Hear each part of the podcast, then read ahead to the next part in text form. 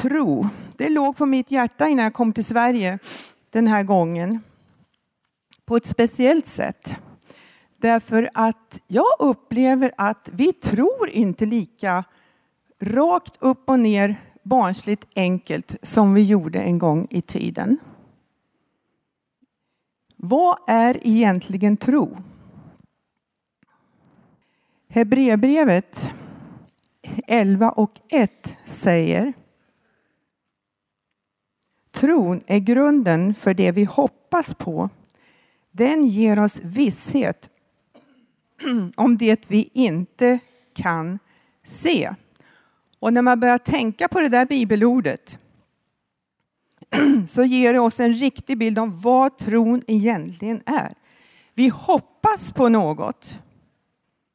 Men det är inte bara det att vi hoppas utan vi har fått en inre visshet om det vi inte kan se.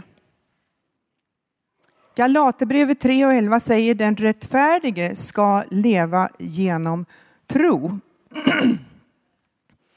Det är alltså så att vi som kristna, hela vår existens bygger på tro. Men nu för tiden så är vi så utbildade, inget fel med utbildning, men det får inte ta platsen av tron. Vi kan så mycket och vi är så skärpta och vi vill inte verka naiva. Så därför så är det så lätt att vi analyserar. Och vi vill förklara allting. Och vi kan ju allting nu för tiden, eller hur?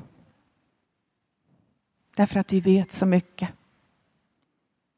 Men Jesus, vad gjorde han?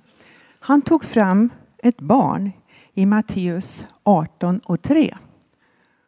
Och där tar han fram barnet och så säger han om ni inte blir så som detta barn ska ni inte få se himmelriket. Alltså vi måste komma ner på den nivån. Hur är ett barn? Jo, de är direkta, spontana. De tror på vad vi säger till dem. Om vi talar om för dem så här är det, ja då tror de på det. De börjar inte diskutera emot eller argumentera eller analysera. Utan man bara tror rakt upp och ner. Så här är det som mamma säger eller pappa eller någon annan. Om ni inte blir så som barn. Men vad svårt det är. Vi hade en afrikan som besökte vår församling i USA för en tid sedan. Och då kommer han och säger så här att här när jag kommer till USA, han var evangelist och det hände så mycket under och tecken där han var i Afrika. Helande under bland annat. Och de säger här i USA, sa han, hur kommer det sig att det inte händer här i USA? När det händer så mycket i Afrika. Och då satt jag och tänkte, ja då skulle han komma till Sverige då. där har vi ännu svårare att tro. Eller hur? Jag är ärlig. Jo, då sa han att i Afrika, sa han, där tror vi enkelt och barnsligt på att Gud kan göra under. Och det är inte så att när vi hör om något så sätter vi igång och googlar på internet det första vi gör. Och så hittar vi allt negativt och så plockas det ur en. Utan vi bara tror rakt upp och ner på Jesus. Matteus 8.13 läser vi om officeren eller hövitsmannen som det hette förr. Som kom och bad Jesus om hjälp för sin tjänare. Inte vet jag hur långt han hade gått för att träffa Jesus. Men han kom till Jesus. Och Jesus säger gå. Du trodde och det ska ske. Och i det ögonblicket blev pojken frisk. Som alltså visade sig när den här officeren kom hem. Att just det ögonblicket när Jesus sa du trodde och det ska ske blev pojken frisk där hemma. I Matteus 9.29 kommer två blinda till Jesus och han frågar Tror ni att jag kan hjälpa er? Det svarade Ja, Herre. Då rörde han vid deras ögon och sa, ni tror och det ska ske och deras ögon öppnades. Alltså vi måste förvänta oss att Gud ska göra under. För om vi inte förväntar oss, då händer ju ingenting. Eller hur? Det var egentligen bara rakt upp och ner, svart och vitt. Tror du? Ja. Och det hände. Händer det alltid? Nej. Det händer inte alltid.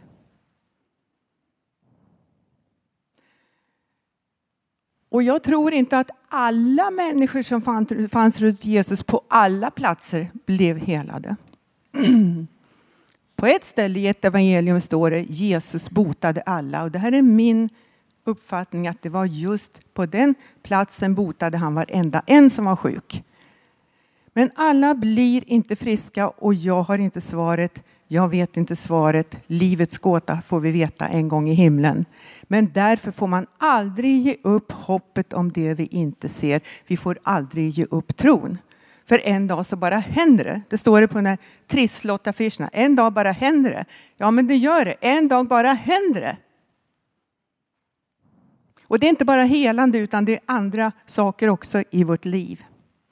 Det var en nunna som var ute och åkte. Jag vet inte om jag berättat det här någon gång, men eh, det är en historia alltså.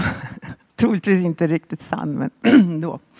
Den kan ju vara sann. Det var en nunna som var ute och åkte och så fick hon motorstopp för bensinen var slut. Och eh, så gick hon upp till macken en liten bit upp där och eh, den här kannan som man får låna för att hälla i bensin, ehm, den var utlånad. Nu var det så att den här nunnan hon jobbade inom äldrevården och sjukvården. Så hon hade ett bäcken i sin bil. Så då gick hon och hämtade bäckenet och gick upp till macken och fick bensin i det här bäckenet och går tillbaka till bilen. Och där står nunnan vid vägkanten och häller i bensin med bäckenet. Och så kommer det två killar förbi och åker sen. Du, sa titta på det där. Om den bilen går igång, då kommer jag gå i kyrkan varenda söndag efter.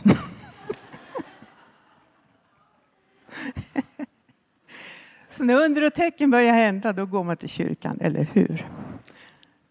Folket kom till Jesus därför att han gjorde under.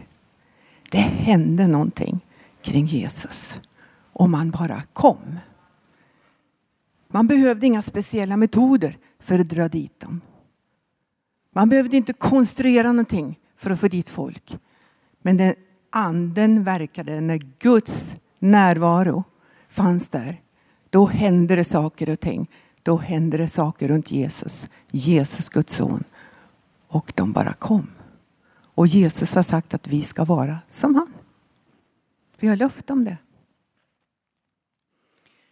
När Catherine Kuhlman var i Sverige för många, många år sedan. Hur många har hört namnet Catherine Kuhlman? Kanske inte ni ungdomar. Har ni hört om henne?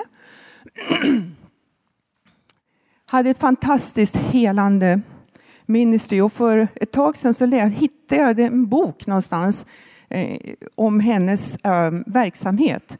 Och vad jag hittade var vittnesbörd där man hade, man hade alltså gått tillbaka 20-25 år senare och kollat upp en del av de största under som bara hände i hennes möten, bara så här. Hur det hände. Och om det fortfarande funkade. Och så var det ju. Det öppnade ögonen på mig för hennes ministry, som vi säger i USA. Den verksamhet som hon hade och som Gud använde henne för.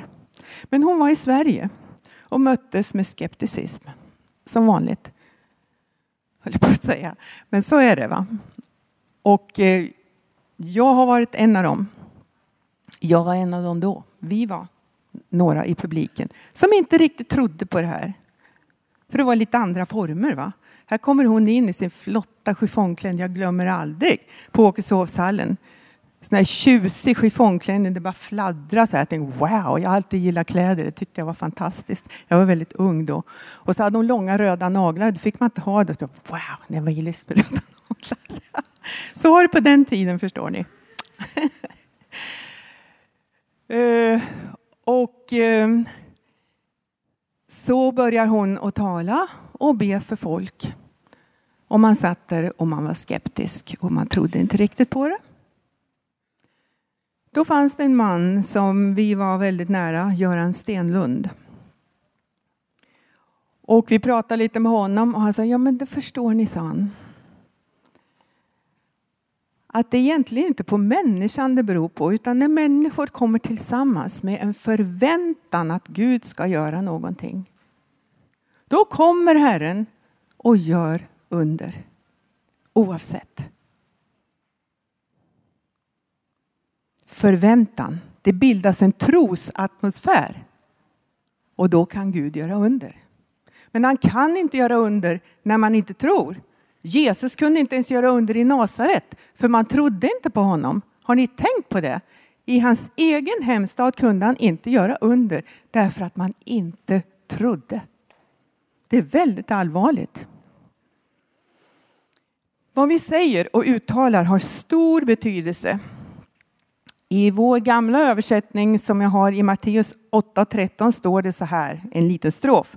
Ske dig som du tror. Det brukar min man säga när jag blir negativ, för det händer ibland. Vi är liksom optimist och pessimist, men vi har jämnat ut med åren liksom lite grann. vad vi talar ut i atmosfären blir som en bekännelse för vad vi tror.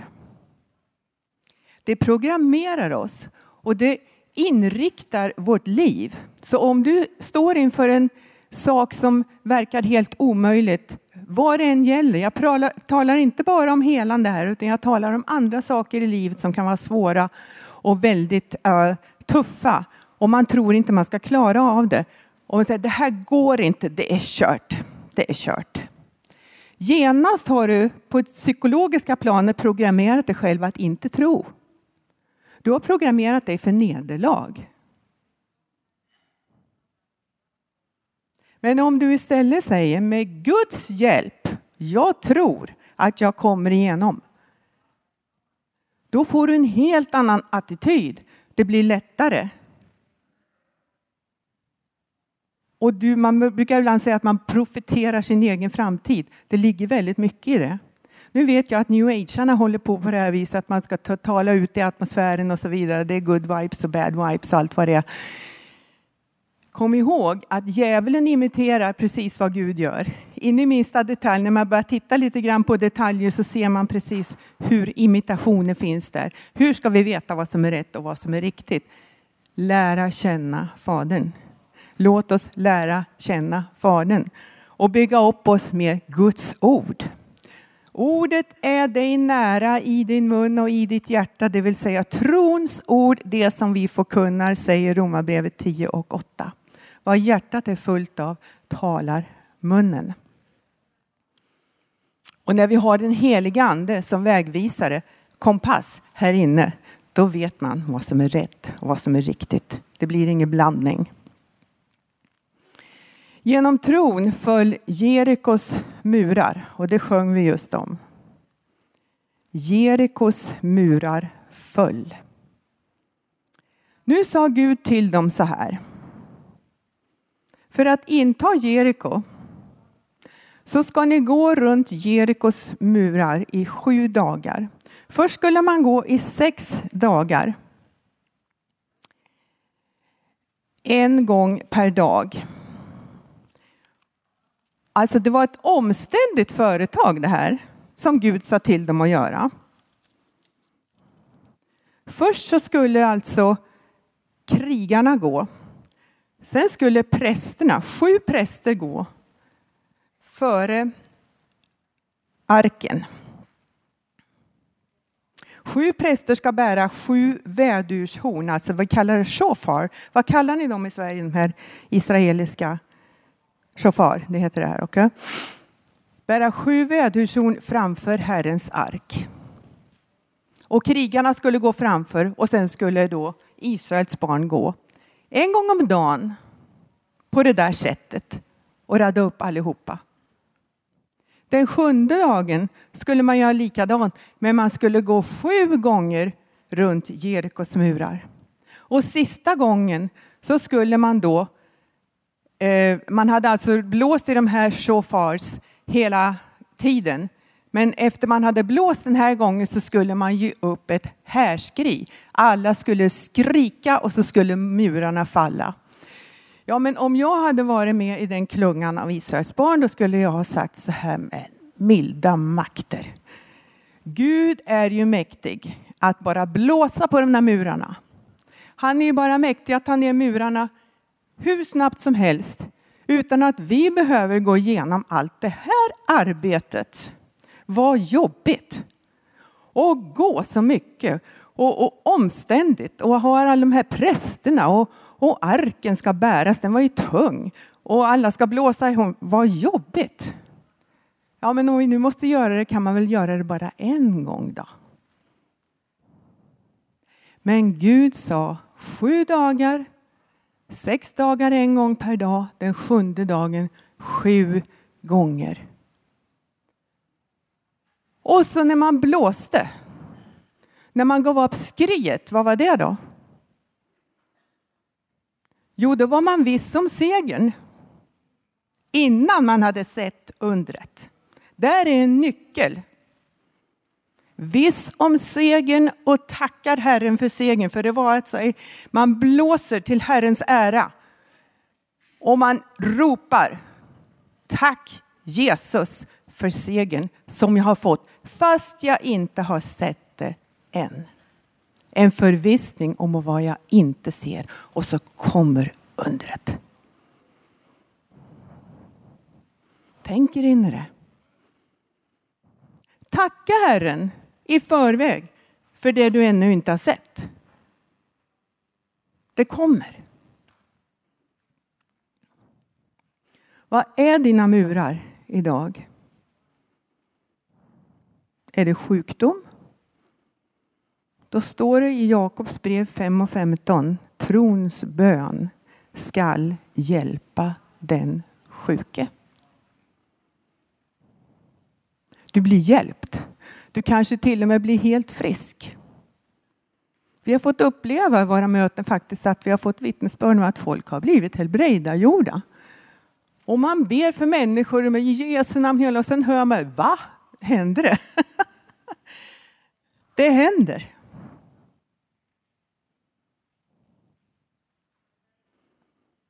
Ibland kanske inte får se det totala helandet Också för att citera Catherine Kuhlman, före man kommer till himlen. Men det finns helande och det finns hjälp.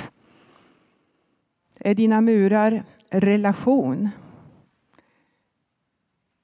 som måste helas? Med föräldrar, barn, syskon, vänskap. Relationer som måste helas. De kan bli ett hinder för Guds välsignelse att flöda i ditt liv.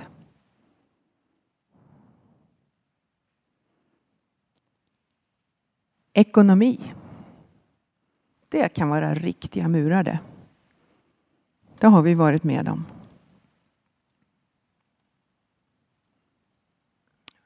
Inte mycket tid. Jag tror jag har tid att berätta den här historien. det är ingen historia, det, det, är alltså som vi har upplevt när vi bodde i eh, Kalifornien och just hade kommit till USA. Ni vet att uh, vi har faktiskt levt, vi hade, brukar jag säga, vår egen lilla privata trosrörelse innan man visste vad trosrörelse var. Innan det kom till Sverige så hade vi vår lilla trosrörelse för oss själva i vår familj. För vi var bara tvungna att tro på Gud. Så var det bara. Man hade ingen fast inkomst, man visste inte vad man skulle få när man kom och sjöng. Utan eh, ibland var det dåligt, ibland blev det bra, så det jämnade ut sig fick man ju lära sig då till slut. Va?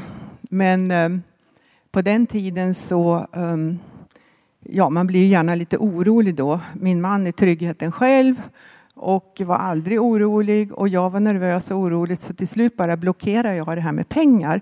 Så att ehm, dollar det var något grönt som jag fick när jag behövde handla i princip. Jag höll inte reda på det så mycket.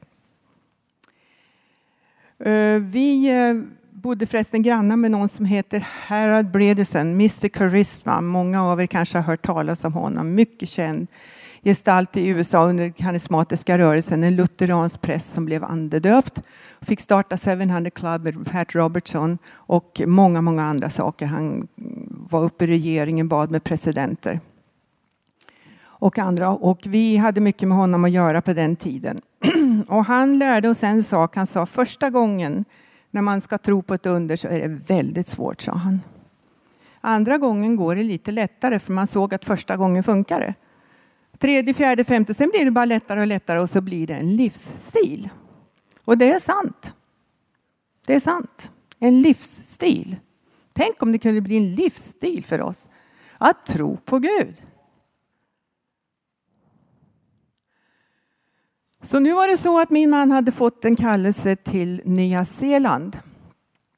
Eh, vi sjöng mycket för Full Gospel Businessmen på den tiden i USA. Många stora konferenser, mycket anlitad. Eh, jag var väl hemma en del med barnen ehm, under den perioden, men var med så mycket jag kunde. Man hade alltså satt ihop team med sångare och evangelister som skulle totalt penetrera landet Nya Zeeland med kampanjer. Och eh, det var ett år tidigare som Erik hade sagt ja till den kallelsen. Nu kom tiden och han hade tappat rösten. I flera månader kunde inte han ta en ton. Han var hes. Ingen kunde komma på vad det var för fel. Men han kunde inte sjunga. Och ni vet när man inte kan sjunga och lever på sången så får man inga pengar till slut. Det tar slut alltså. Pengar tar faktiskt slut. man inte tjänar några. Så nu var det dags att åka och där stod han och vägde, ska jag åka eller inte åka? Ja, det blev kanske inte bättre att vara hemma. Så vi tänkte vi får ta ett steg i tro. Och eh, han packade sin väska och köpte biljett på American Express för det funkade fortfarande. Och åkte iväg. Han skulle först till Nya Zeeland så skulle han ner till Australien. Nej, först i Australien och sen vidare till den här stora grejen i Nya Zeeland. Och när han har åkt på kvällen, jag hade inte ens tittat. Har jag mat hemma? Um, har jag pengar? Det var liksom bara så här. Va? Um, och han hade åkt på kvällen och jag satte mig ner och tittade i checkblocket för vi hade fortfarande checker då. Och då är det alltså 76 dollar kvar till mig som jag ska leva på och vet inte alls om han kan sjunga och skicka hem några pengar eller någonting. Och så sitter jag där på kvällen vid skrivbordet och då börjar Gud tala till mig. Och det här är också en lektion i givande och att ta ett steg i tro. Och så säger han, kom ihåg, kommer du ihåg när du var på den här middagen när vi skulle eh, fundraising, alltså eh, eh man ger löftesoffer till en missionär som skulle ut. Missionärerna var goda vänner till oss, svenska amerikaner som skulle till Europa. Och jag hade blivit inspirerad och jag skrev 60 dollar. Och då säger Gud till mig, kommer du ihåg att du skrev, du har inte skickat in den? Nej, det har jag inte. Eh, men om jag skickar in den nu, då blir det bara 16 dollar kvar. Det kunde till och med jag räkna ut, jag som är så dålig i matte. Men det, det klarar jag att räkna ut. Och jag känner så starkt att jag ska skriva den checken, men jag sitter och argumenterar med Gud. Men så tänker jag, jag går ut och tittar i skafferiet och ser hur mycket mat jag har, hur, mycket, hur långt vi klarar oss med, med tre ungar. Och det var faktiskt inte speciellt mycket. Utan eh, jag räknade ut ett par dagar skulle det väl gå. Och ingen hade jag lånat pengar av om det skulle knipa. Den enda jag kände bodde nere på gatan och var färdiga för konkurs. Så det var ingenting att hämta där. Och jag känner att jag ska skriva checken. Och jag gjorde det. Jag skrev checken, 60 dollar. Och så slickade jag ihop kuvertet och så lyfte jag det.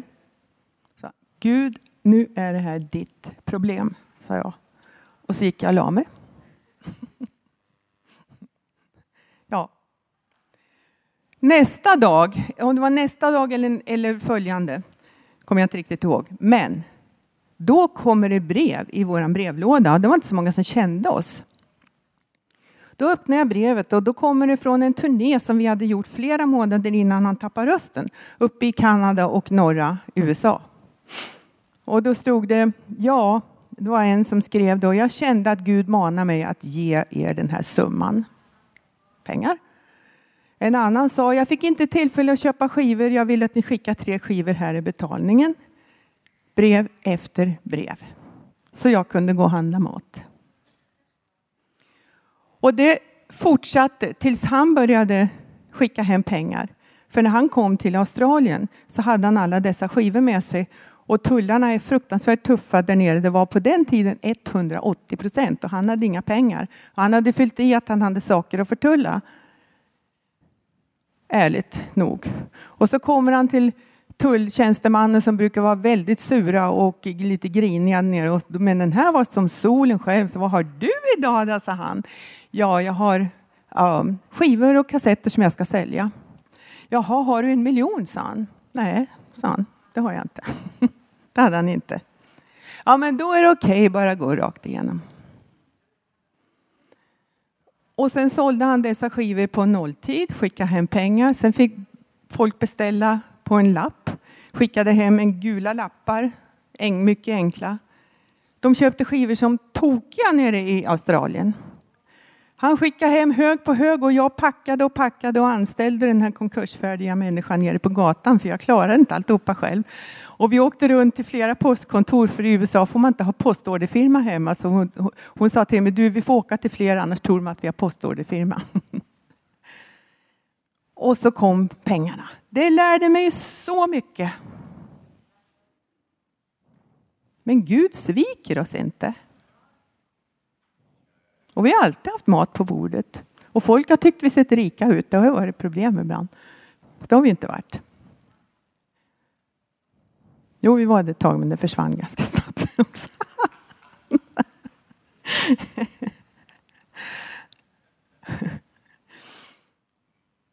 Sist vill jag säga att synd kan vara ett hinder för dig att få uppleva ett under i ditt liv. Så den här morgonen vill jag att du ska pröva dig inför Herren. Känner du att det står, vad är synd egentligen? Är det röda naglar och sånt som man trodde förr? Nej. Synd är någonting som står mellan dig och Gud och hindrar dig från att uppleva Jesu kärlek och försoning. Och nu har vi tänkt att göra så här att vi ska ha en liten förbönstund. Och det har vi haft på flera ställen här i sommar. Det har varit väldigt fint. Och om det är som det var på arken. I, vi var på arken eh, för några dagar sedan. Ja, när inbjudan kom så bara sa det bara så var hela eh, framdelen fylld med människor som kom. Det var inte vi som talade, vi, vi sjöng i mötet, men ändå. Och på andra ställen kan det vara lite svårare. Men ibland förstår ni är det nästan som en lydnadshandling. Och det här med Jerikos murar nu när Gud sa till. Det var alltså en lydnadshandling att gå sju gånger. Så ibland är det en lydnadshandling innan man får uppleva undret. Och bara du vet vad den lydnadshandlingen är. Och jag vill hoppas att Gud uppenbarar för dig vad det är. För att den, det kan bli en blockering annars. Vi kallar det fäste, stronghold, fäste va? kan man säga det? I ditt liv. Om det är någonting som stänger för Herrens välsignelse att flöda över det. Men Herrens välsignelse flödar den här förmiddagen i Skövde. Och ibland så ber folk om väckelse och man sitter och suckar. Och man, jag var med om, om bönemöte förra året. Åh käre Gud, ja, åh, Jesus, ge oss väckelse, åh god.